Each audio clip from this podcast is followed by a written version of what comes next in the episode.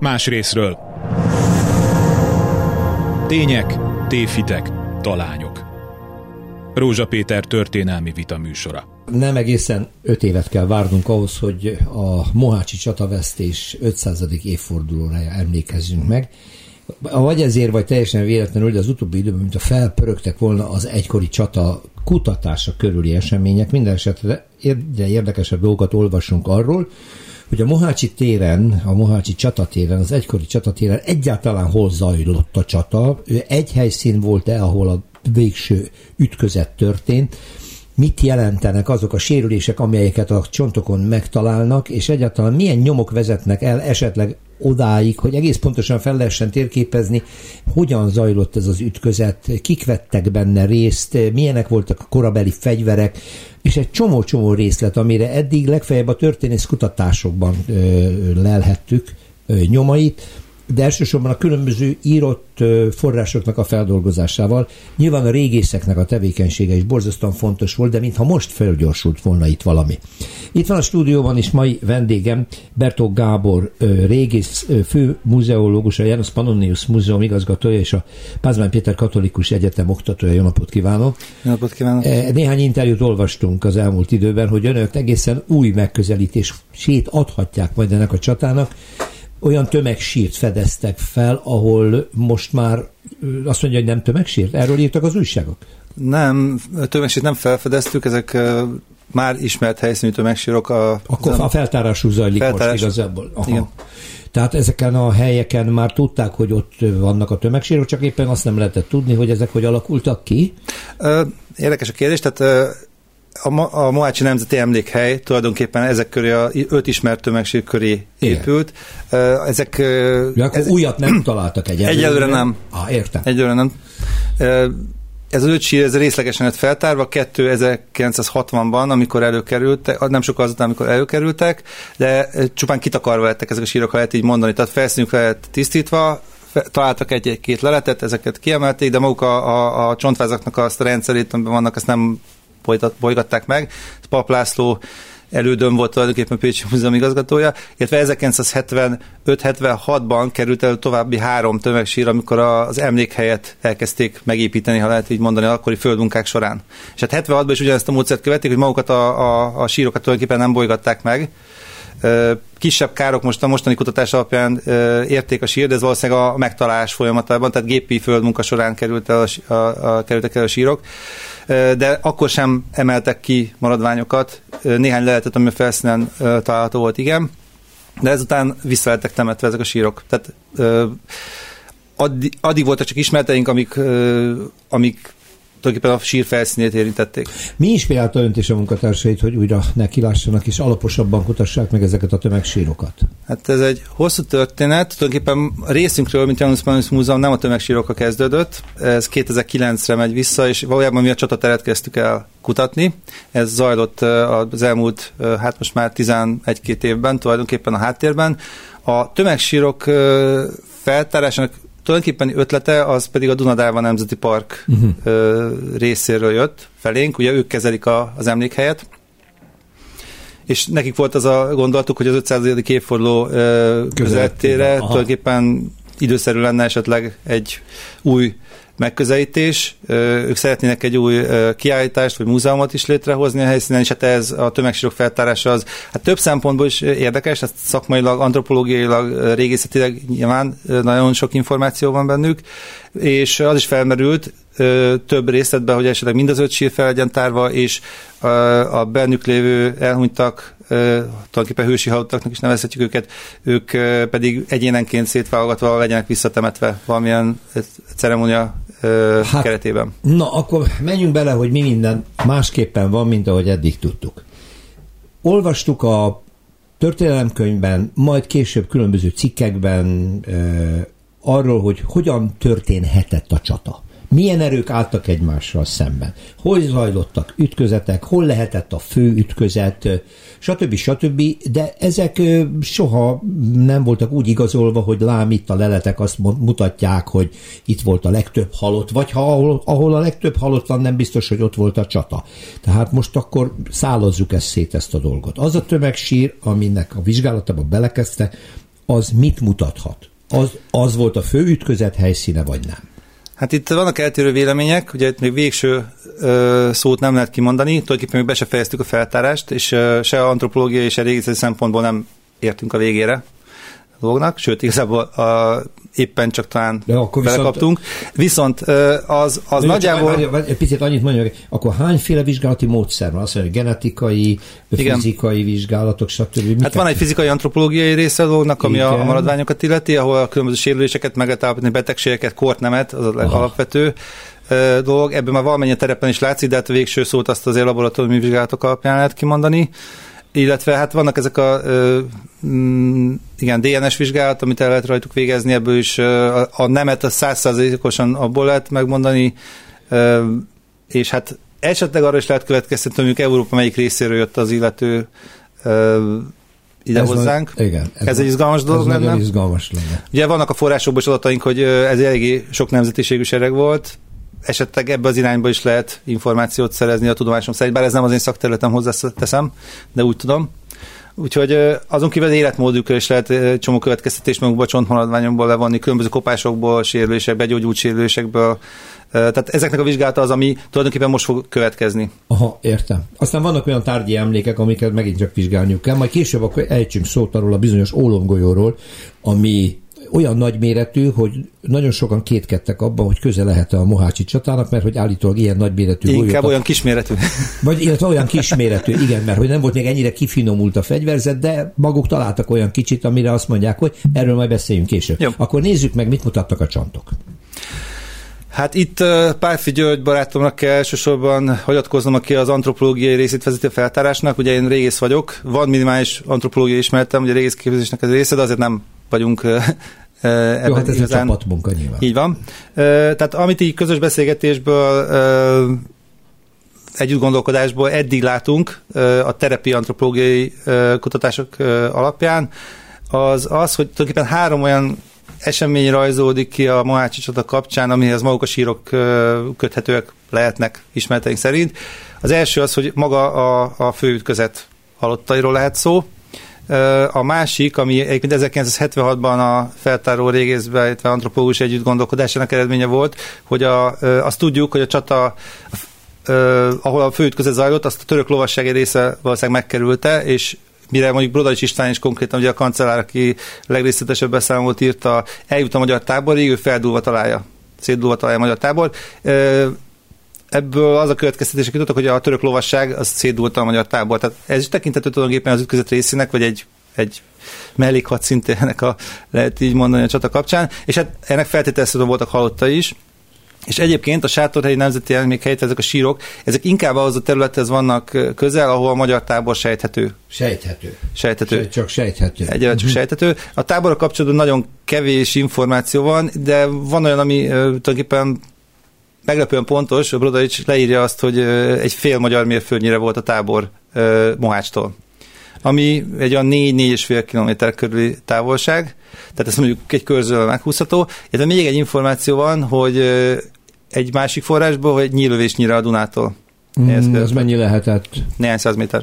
Mindenesetre ezt le van írva. Persze itt megint az a kérdés, hogy az a tábor, ez valószínűleg azért olyan két négyzetkilométer körül lehetett. Illetve nem is egy táborról beszélünk, mert a Tomorinak a ö, ö, csapata külön táborozott le, de a király tábora mellé. Tehát egy elég terjedelmes területről beszélünk, hogy ennek melyik része volt a Dunához közel, és melyik részéhez számolódik az a fél mérföld, ezt sem pontosan tudjuk, tehát még a közepéhez, a kapujához, itt szabadon Az faktum, az pontosnak mondható, hogy valóban a török lovasság megkerülve a teret, a magyar tábort elpusztította, neki így, rontott, és így a hátországát felszámolta a harcoló seregek. Így ez konkrétan nincs leírva, azt tudjuk, hogy az török forrásokban is szerepel, illetve azt a magyar szövegben is látjuk azt, hogy van egy lovas kontingens, Igen. amelyik egy rejtekből kerüli az egész területet, és egy részük az felbukkan a magyarságnak a jobb szárnyánál, leereszt a dombok tövében tulajdonképpen, és van ez a másik információ, hogy a tábor viszont már, mire a menekülők arra járnak, már szét van dúlva. Szét van verve. Hát nem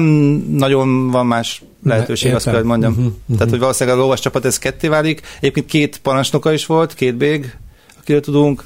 Feltehető, hogy akkor ezek szétváltak, és az egyik az egy nagyobb ívbe megkerült az egész csatamezőt, és a másik pedig a, a királyi hadat fenyegette oldalról.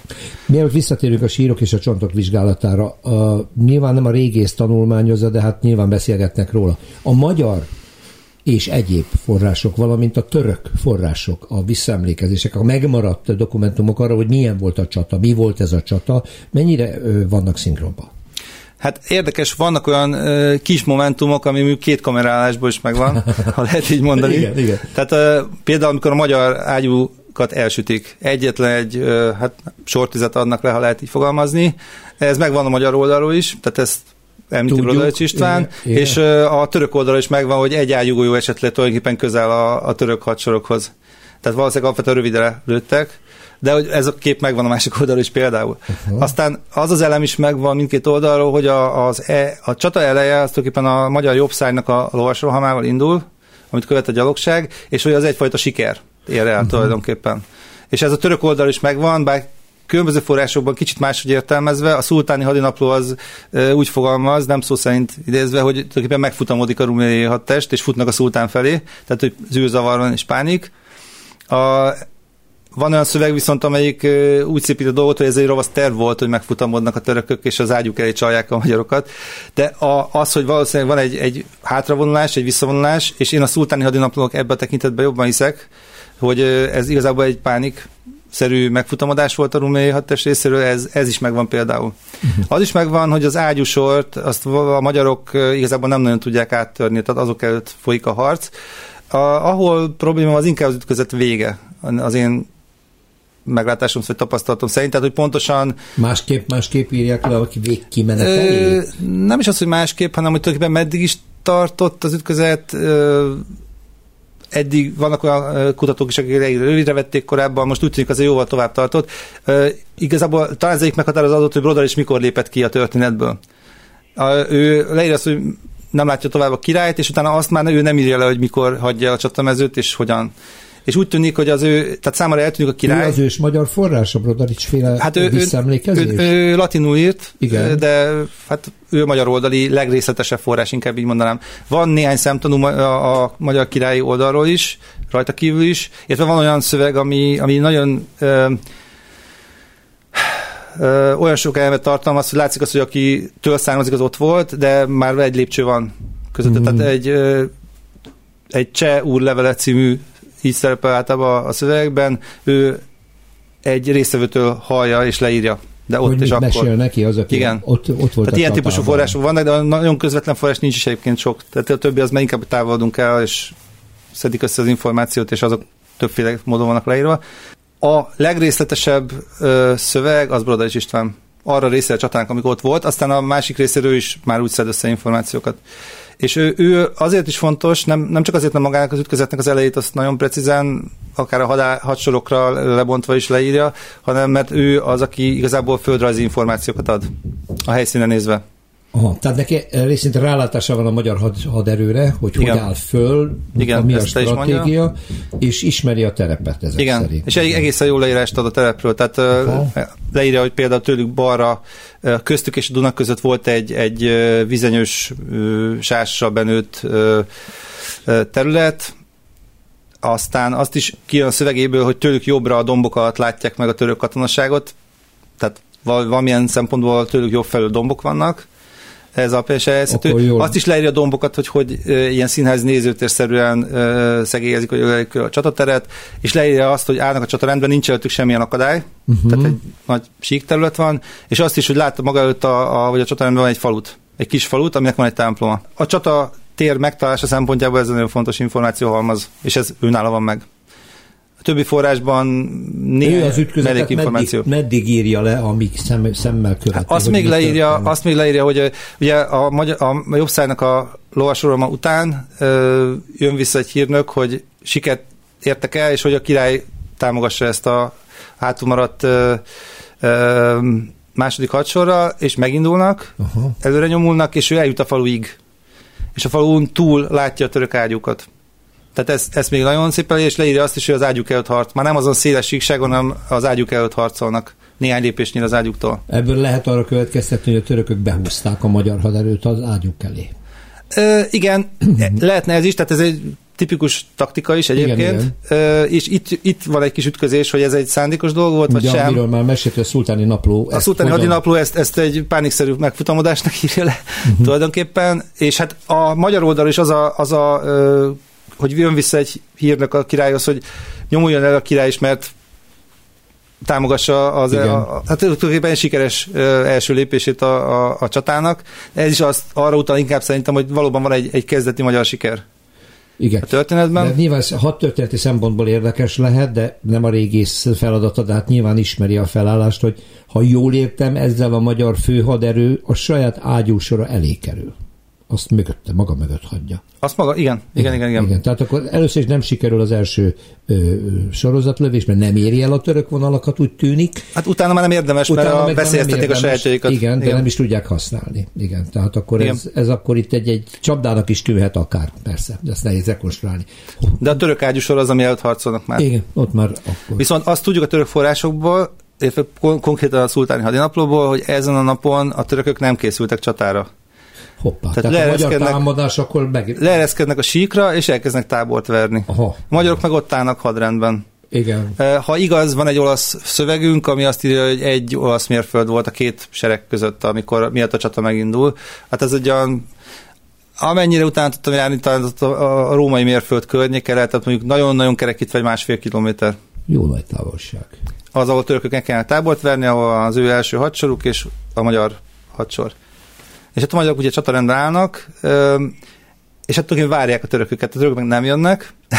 És akkor támadásban lendül a jobb szár. Igen. Ezek után. Tehát olyan délután négy óra környékre teszik a, a magyar támadásnak a megindulását. Meddig tarthatott a csata? Ez elég bizonytalan, mint mondta az Bizonytalan, elején. de azért valószínűleg több órán keresztül tartott, mert azért az kijön, hogy a, a király, ugye a Brodor is számra eltűnik, de azért ő is leírja azt máshonnan szeret információból valószínűleg, hogy a király uh, ugyan visszahúzódik, éppen talán ebbre a mélyedéses területre, ami a, a csatadérnek a, a bal oldalán található, és ott tulajdonképpen újra szervezi a, az oda visszahúzódókat, és kitörnek, és hát vagy egyszer, vagy kétszer, de még egy támadást intéznek a, a, a törökök ellen. Sőt, van egy olyan szövegrészlet is, amely mondja, azt hiszem, ez talán török oldalról van meg, hogy néhány vitéznek majdnem sikerül a szultánig is eljutnia.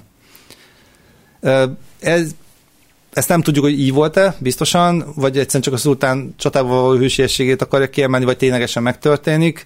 Elképzelhető, hogy néhány át tudtak esetleg törni valamilyen ponton, és hát ott életüket vesztették, mielőtt a szultánt elérhették volna, de azért volt egy, egy pillanatnyi meleg Akkor azt elég nehéz meg állapítani, vagy kikövetkeztetni, hogy hol lehetett a csata fordulópontja. Három verzió van. Az egyik, hogy a magyarok támadnak, és az első az sikeres, de utána a törökök fölénye érvényesül. A második az, hogy, hogy egy ideig kiegyensúlyozottan harcolnak, és aztán a törökök megkerülve a lovasságukkal a magyar tábort szétverik, és közben meg a főerők lenyomják a magyarokat.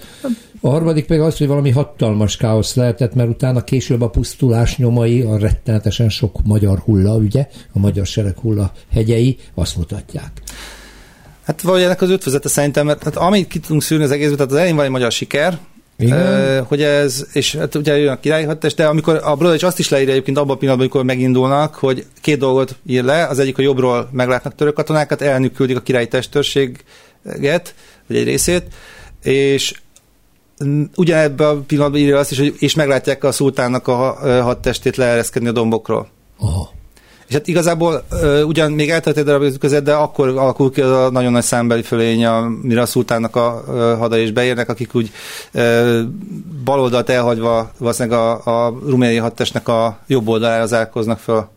Uh-huh. És uh, az meg majd akkor a számbeli fölény, tehát mondjuk a 20, ha kezdeti számokat nézzük, akkor olyan 24-25 ezer áll szembe 65-70 ezer katonával.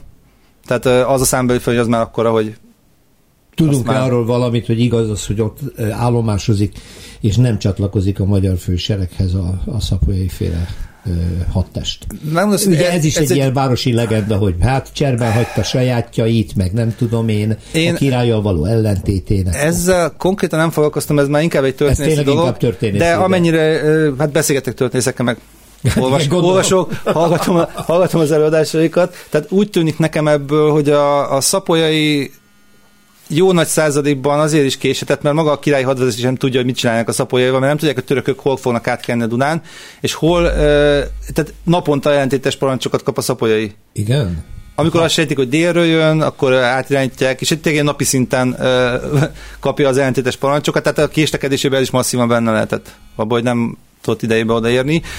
De aztán persze, hogy mik voltak a szándékai, egyebei, egyebek, azt, azt nehéz most már eldönteni, azt gondolom. Tehát ez ugyanaz a kérdés, amiben megint én nem szeretnék belemenni, de a király halála, hogy most megölték, baleset volt. Megsebesült abban. Ez már korabeli, tehát korábban sem volt eldöntető pontosan. Tehát politikai érdekek, pletykák, stb. halmaza az, ami Tehát kialakul. akkor nincs írásos forrás arra nézve, hogy valaki a király mellett volt, és látta, hogy a király hogyan hal meg. De. Van? Van ilyen is. Van jól tudom, tudom, ilyen is van, de kétségbe vonták. Tehát, hogy Aha. most ha valaki mondjuk akarja tenni királyt lábról, nyilván azt fogja értettem a királyt lábról, gondolom én.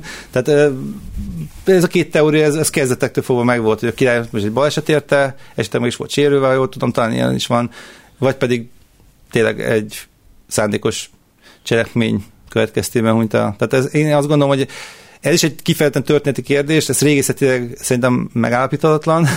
Nem fogjuk soha megtalálni azt a sekély gödröt esetleg, ahol eltemették a királyt, félig meddig a cserepatakból kilépő lovának a patanyomát se fogjuk régészetileg hát azonosítani. biztos, hogy nem. Sajnos, hogy nem. Mondom, tehát... Um, mielőtt itt egy kis szünetet tartunk, Bertó Gábortól azt kérdezem, hogy mit lehet várni, és majd a második részben, amikor a feltárás részleteiről fog beszélni, mit lehet várni, hogy ha jól megkutatják a tömegsírokat, egyenként akár a katonáknak a maradványait, mennyivel lesz tisztább a kép a csatát illetően, a csata lezajlását illetően, avagy csak arról fognak pontosabb képet adni, hányan voltak, kik, veszte, kik voltak a résztvevői, milyenek voltak a korábbi, korabeli fegyverhasználati viszonyok, hogyan éltek ezek az emberek, mit ettek, honnan származnak, tehát mi, mi, mi, mi várható? Hát a tömegsíroknak az egyik fő kérdése az, hogy amit már egy kicsit elkezdtem az elmondani, hogy a csata melyik részének a következményei lehet Igen, ez nagyon fontos lesz, hogy Tehát, ebben hogyan... Elkezdtem, hogy három ilyen ötlet volt eddig, ha lehet így mondani, ugye van maga a csata, ahol ugye az ütközet zajlik, aztán van a tábor halotta, és van egy harmadik lehetőség, ugyanis csata utáni második napon, amikor a szultáni tábor felépül, megállapodik a sereg egy rövid időre, akkor van egy esemény, egy ilyen, hát mai szempontból nézve mondjuk egy díszemlének is nevezhetnénk, tehát egy nyilvános szultáni tanácsadó és diván, ami el... Azt nem mondja, hogy itt mi történhetett. E- ebben fogjuk kezdeni a szünet Jó. után. Jó, és a hallgatónak megpróbáljuk fenntartani eddig is az érdeklődését, mert ez nagyon jelentős fordulat lehet a dolgok megítélését illetően. Tehát akkor rekonstruálható valamennyire pontosabban esetleg a Mohácsi hát, hogy... csata az ásatási eredmények alapján, hogy a csata részletei mennyire lesznek majd feltárhatók, ez ki fog derülni a második részben, hogy Bertó Gábor régész főmúzeológus, a János Pannonius Múzeum igazgatója, a Pázmány Péter Katolikus Egyetem oktatója és csapata milyen eredményekre juthat majd, hogyha a feltárást folytatják, illetve befejezik. A szünet után folytatjuk. Más részről. Tények, téfitek, talányok. Rózsa Péter történelmi vita műsora. A szünet előtt Bertog Gábor régész főmúzeológussal, a János Pannonius múzeum igazgatójával, a Pázmány Péter Katolikus Egyetem oktatójával arról beszélgettünk, hogy munkatársaival intenzív feltáró munkát végez most a Mohácsi csata helyszínén, és hát több sírnak a vizsgálata előtt állnak, illetve részben már belekezdtek. Az első részben inkább arról kérdeztem, amit inkább egy történésztől kellett volna, hogy milyen lehetett a csatának a kimenetele, lezajlással, milyen részletek voltak. Most azt nézzük meg a következő percekben, hogy mit várhatunk a sírok vizsgálatából, a csontokból mire lehet következtetni? Találnak-e, találtak-e olyan fegyvereket, vagy egyáltalán olyan nyomokat, amelyek a fegyverzetre utal, hogy milyen erők állhattak egymással szemben? Én egy kicsit ketté bontanám ezt a részét a dolognak, ugye van a tömegsír feltárás, és azon kívül van egy csatatérkutató programunk Aha. is, ami egészen más módszerekkel zajlik. Hadszintérkutatásnak megvannak a sajátos eszközei, módszerei. Tehát a, a csata helyszínét, amit úgy gondoljuk, hogy most már bizonyos mértékig azonosítani tudtuk, ezt nagy területen folytatott fémkeresős kutatással végezzük. Fém lehettek azok, amik a csata után leginkább ott maradhattak a helyszínen, és hát ezeknek is egy jó nagy százalék a lövedék egyébként És tulajdonképpen úgy kezdődött a történet, hogy van egy falunyom, a, ezt a síkságot szegélyező domsornak a tövében, amit hát eddig két személy nevezett úgy meg, hogy esetleges helyszínen csatának. Ez egy Szűcs József nevű történelmi érdeklődésű helyi polgár, Mohácsi lakos volt, ő az 50-es évektől már a tömegsíroknak a megtalálásában is ott volt, és hát ő azóta évtizedeken keresztül járt a területet, és ő bökött rá először egy, egy erre a helyszínre, amit mi elkezdtünk kutatni.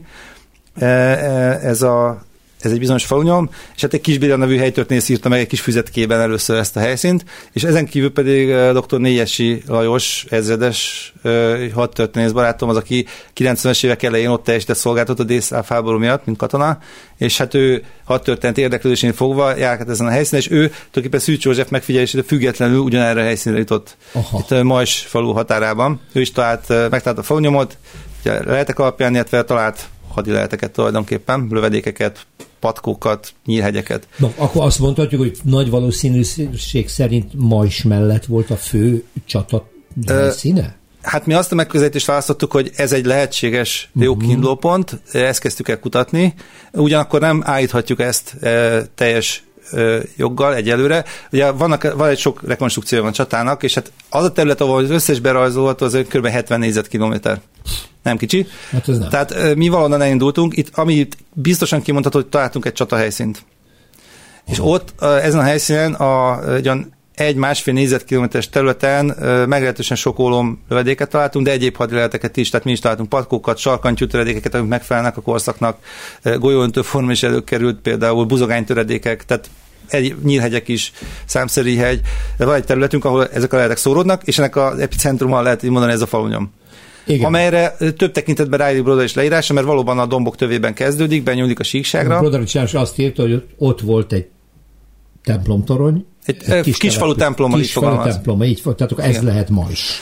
Talán. Ez nem a mai majs, ez majs határában van, hanem egy, egy ez egy problémás eset a mi, a mi problémás dolog a mi történetünkben, hogyha ez az a falunyom, akkor viszont biztos, hogy nem úgy hívták, hogy Broda, és neveztem, Broda, és a nevét is meg kimondja, ő azt mondja, hogy Földvár. Földvár? A történeti Aha. kutatások alapján viszont ez a falu nem lett Földvár. Tehát most a mi mondjuk azt helyszínünk, az földrajzilag teljesen jó illeszthető a leírásba. Az elnevezéssel van baj. Az elnevezéssel baj van. Hát de lehet, hogy rosszul emlékezek. Igen, tehát a földvár, ahhoz, hogy... Följebb van földvár, és... Igen, a, tehát a történési kutatások szerint ettől inkább dél-dél keletre sejthető, különböző középkori határjárások alapján, amik leírják, hogy két falu határán valaki végigmegy, birtokviták kapcsán elsősorban, hogy ettől a, a mi helyszínünk inkább dél keletre, és lehet, hogy már mai horvát területen található az a bizonyos földvár. Egyébként ezt is szeretnénk megkutatni. Horvát kollégákkal felvettük a kapcsolatot, már van is egy megállapodásunk az Eszéki Régészeti Múzeummal közös kutatásról, tehát át fogunk menni horvát területre, és megvizsgáljuk a lehetséges helyszíneket, és hát a szerencsénk van, és el tudjuk azt érni, hogy fémkereső és kutatássunk, ami egyébként Horvátországban így nem lehetséges jelen pillanatban, akkor meg tudjuk vizsgálni, hogy volt-e csata mondjuk azon a bizonyos helyszínen. Tehát Itt az biztos volt. Itt biztos, hogy volt egy ütközet. Persze, akik kritikával illetek minket, mondták azt is, hogy hát oké, okay, itt volt egy ütközet, de egyáltalán nem biztos, hogy 1526-os csata. Ezt úgy próbáljuk, lehetett egy másik, mondjuk nem dokumentált ütközet is, tehát voltak nyilván konfliktus események a környéken, korábban is, később is ezt úgy próbáljuk meg kiszűrni, hogy a fémkeresés kutatást ezt kiterjesztettük, most már elmentünk ettől a falunyomtól, és hát ezt a 60-70 négyzetkilométert olyan szintig szeretnénk átvizsgálni, ha lehet akkor 2026-ig, hogy mondhassuk azt, hogyha ha nem is tudjuk százszerzékosan lefedni, mert az óriási terület, de hogy olyan sűrűséggel vizsgálunk területeket, hogy mondjuk a a helyen nincs, B helyen nincs a szomszédja, akkor közötte se lehet már egy csata, Igen, nem értem, értem. Tehát szeretnénk egy ilyen szűrést végigvinni az egész területen, és akkor kiderül, hogy van-e még csata helyszín. Igen. De ez viszont az volt, az biztos. Ez egy csata helyszín, ez, ez teljesen biztos, és ö, a mi kutatásaink szerint ez a lehetanyag, ami ott előkerült, ez teljesen jól megfelel az 1520-os csata ö, viszonyainak? viszonyainak, korszakának, stb. Tehát, Ezen a, a területen mennyi halott lehetett? Vagy mennyit találtak? Semennyit. Vagy elszállították a halottakat. Se, mi nem találtuk meg. Annak egy egészen más módszert van, hogy a sírokat megtaláljuk. Tehát a, a fémkereső kutatás az a csatahelyszín azonosításra jó. A sírok azonosítása az egész más módon lehetséges. Én alapvetően geofizikai méréseket szeretnék végezni, tehát magnetométeres talajradalos esetek talajánás mérésen alapuló vizsgálatokat szeretnék, hát így beszűkülő rendben, és hát elsősorban azon a helyszínen, ahol nekünk ezek a hadileheteink vannak. Én azt gondolom, és azt ezzel nem vagyok teljesen egyedül, hogyha volt egy ütközet, akkor onnan nem volt sem észszerű elszállítani a halottakat, tehát valószínűleg ott temették el, ahol a konfliktus során meghaltak. Legfőbb csoportokból összehordták őket, és ástak hozzá gödröket. Aha. Uh, Úgyhogy akkor... én azt gondolom, hogy ennyiben ez mindenképp szűkíti a, a keresést ebben a tekintetben, és hát itt is vannak csomó pontok a, a, még a, ezen a szorodási folton belül is, tehát én ezekhez próbálnám először kötni azokat a helyszíneket, ahol tömegsírok lehetnek. Nézzük ezt a csata helyszínt, jó? Az itt talált ólomlövedékek mire következtetnek? Hát alapján mire lehet Igazából egy űrméret kategóriákat el tudtunk különíteni, és az már látszik, hogy miből volt a legtöbb. Mi 266 lövedéket vizsgáltunk, vizsgáltunk meg, és készítettünk egy statisztikákat róluk, és van egy űrméret tartomány, ez a 10 és 14-5 mm közötti lövedékméret, ami egy elég kiugró csúcs. Tehát a, ebbe a kategóriában a ezek kicsik. Vagy ezek, a, ezek, ezek számítanak kicsik. kicsinek? Ezek kicsinek számítanak. A korban. Uh-huh. Nem, más következtetés jutottunk, de mindegy, tehát ahogy az arányokat érzékeltessem, 260 lövedékből 168 az ebbe a sávba esik. Aha. Van egy kisebb kategória, a 10-15 mm, bocsánat, a 15-20 mm közötti lövedékek, ezek még kézi fegyvereknek a lövedékei, nagyobb méretű kézi fegyvereké. Ezekből nagyságrendek kisebb van, mert 40 körüli. Aha. És utána az ennél nagyobb űrméretek azok néhány darabra tehetők. Tehát a szakállas puskák, amik viszont nem kézben hordozható, hanem Hát szerkezetek egy mai géppuskának a igen, megfelelő lehet ilyet mondani, nyilván nem tűzgyorsaságban, és hát van néhány ágyú lövedékünk is, kis űrméretű ágyú lövedékünk. Tehát a zöm ez a 10-15 mm. Uh-huh. És hát erre kaptunk még kritikát, hogy ezek túl kicsik a korszakhoz képest. Most ebbe belementünk itt Haramzamák kollégámmal, illetve Német Balázs kollégánkkal, mind a ketten fegyvertörténettel foglalkoznak, és hát mi arra következtetésre tudunk, hogy épp ellenkezőleg a korszak tipikus hadipuskája, a több ábrázolással is megvan, az pontosan ez a viszonylag könnyűen, mag, ilyen egy méter hosszúságú az egész fegyver, tehát tussal, csővel együtt, és hát pont ez a 10-15 mm körül. Tehát kértünk analógiákat például a, a London Towernak a tűzfegyver gyűjteményéből, hogy tudnak-e jó keltezhető puskára példát nekünk, ami a korszak, tehát 1500-as évek első Igen. harmada. amit küldtek, azok pont ebbe a űrméret tartományba esnek, és magyar példánk is van, mondjuk 1541-ből a, itt a Kopaszizátornál elsüllyedt Naszádnak a emeltek ki a 19. századi puska csöveket.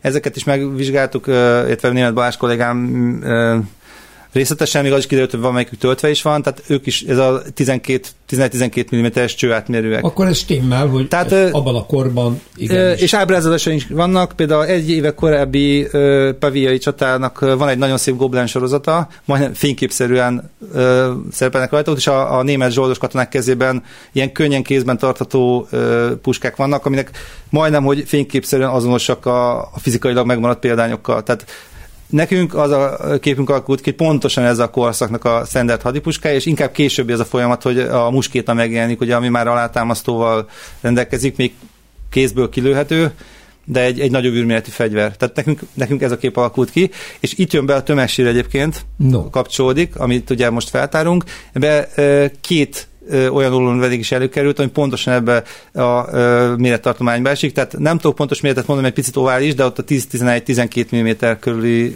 ólomlövedék kettő darab, illetve egy szétkenődött nagyobb lövedékünk is van. És ezt a csontvázakban találják? Ezt ott a, teljesen bolygatatlanul a csontvázak között találtuk meg, igen. És hát itt jön az, hogy ugye azt mondták, a, mondjuk így, akik kritikával éltek minket, hogy ebbe a korszakban ez a lövedék űrméret nem létezik.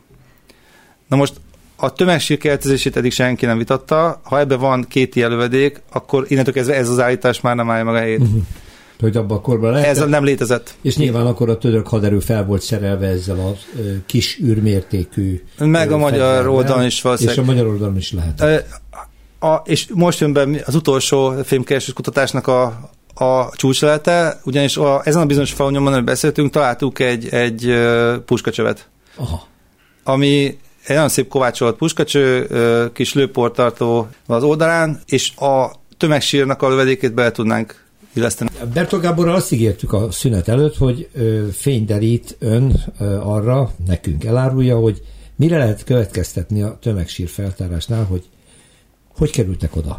A hullák a csatamezről összegyűjtötték, elásták őket, vagy, vagy mi lehetett? Sérülések és egyebek alapján mire következtetnek? Most igen, tehát két részben áll ugye a feltárás, van egy régészeti része, és azt szeretném itt megemlíteni az antropológiai feltárást, illetve vizsgálatokat azt a Szegedi Tudományegyetemnek az embertani tanszékkel végzett terepen, illetve hát van egy megállapodásunk a Magyar Természettudományi Múzeummal is, hogy a kutatásban részt vesznek. Na most a terepi résznél, de már a konferencián konferenciákon elhangzott laboratóriumi utolagos vizsgálatoknál is az derül ki, hogy van egy olyan sérülés csoport, ami a leggyakoribb ez pedig ha úgy mondhatnám én laikusként, hogy hát egy lefejezési kísérletnek mondanám. Tehát nagyon sok olyan ház van, a feltető most már 300 személyből, akik a sírba voltak, akiknek egyrészt átvágták a nyakcsigolyáját, egyszer vagy kétszer is akár, ilyen is van, ugyanakkor nagyon sok fejsérüléssel is rendelkeznek. Uh-huh. Viszont... Ez uh, nem csatára van akkor. Hát mi arra következtetésünk, hogy a, a, ezeket a vágásokat így, hogy két vágás mondjuk egy uh, egymástól fél centire nyakon, nyakon és mondjuk nem is választotta el a fejet sok esetben, tehát nagyon kevés csak a sírba dobott fejünk van, hanem csak részben vágták át a nyakat, és utána még összevagdosták az illetőnek a fejét is, vagy előtte, ezt nem tudjuk. Tehát ilyenből elég sok van a sírban, százas nagyságrend közelében, ha jól emlékszem. Tehát ezek olyan sérülések, amit én, mi kevésbé tudjuk elképzelni, hogy mondjuk egy ilyen aktív ütközet közepi sérülések. Tehát itt az biztos, hogy már egy nyakátvágás is halálos, tehát a, utána a, a fejsérülések is nagyon sok esetben már önmagukban egy darabja is halálos. Uh-huh. Tehát vannak olyanok is, amik nem feltétlenül lennék halálosok, de amik eszméletvesztése járnak. Tehát, hogy nagyon sok felesleges sérülés van, nagyon sok uh, elunton.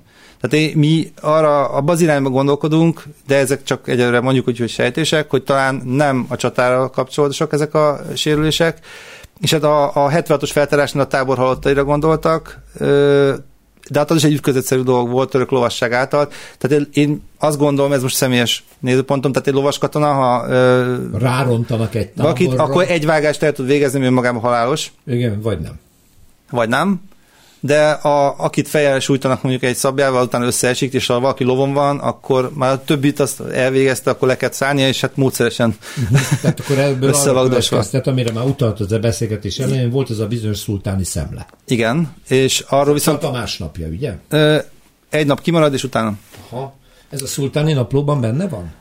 Ott is úgy emlékszem, megvan az esemény említve, illetve a Brodai István maga is emlék. Tehát ez több helyen is megvan, hogy a, a, ezen az esemény kapcsán, ez a mondjuk díszemben, hogy nyilván szultáni tanácsülés keretében elővezetetik a hadifoglyokat, és jó nagy, jó, nagy részüket kivégzik. Aha, akkor ez Lefejezik ez egyébként. A sír, akkor... És hát ez nem állítunk, tehát mi nem tartunk ott a vizsgálatokban.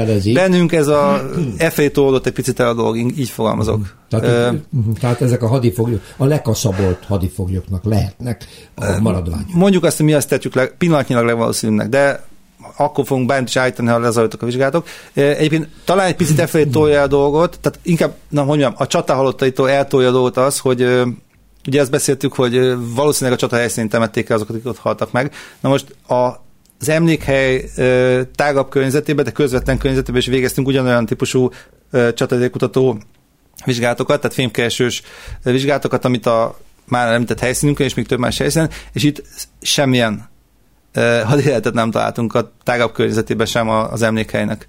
Uh-huh. Tehát azt elmondhatjuk, hogy ezen a helyszínen, illetve tágabb környezetében nem zajlott ütközet. Nem az, hogy 1526-ban, hanem soha tulajdonképpen. Akkor nagyon erősíti az önök teóriáját, hogy ez kivégzés volt. Ö, még itt szóba jöttek a tábor is, mert elvben. Az is lehet, hogy ezekben a sírokban nem csak a kivégzés halottait, hanem a közeli magyar tábornak a halottait is dobhatták. Tehát nem feltétlenül kell mindenkinek a kivégzés halottjának lenni, de hogy az ön, vagy a maga ez a sírcsoport, ez talán inkább befelé viszi a... Láttam fényképet, uh, ahol uh, gerendákon, hogy ne sírüljenek a csontok, uh, fekszik és készíti a fotókat, mérhetetlen mennyiségű csontlelet van. Tudjuk hányan vannak egy-egy ilyen sír?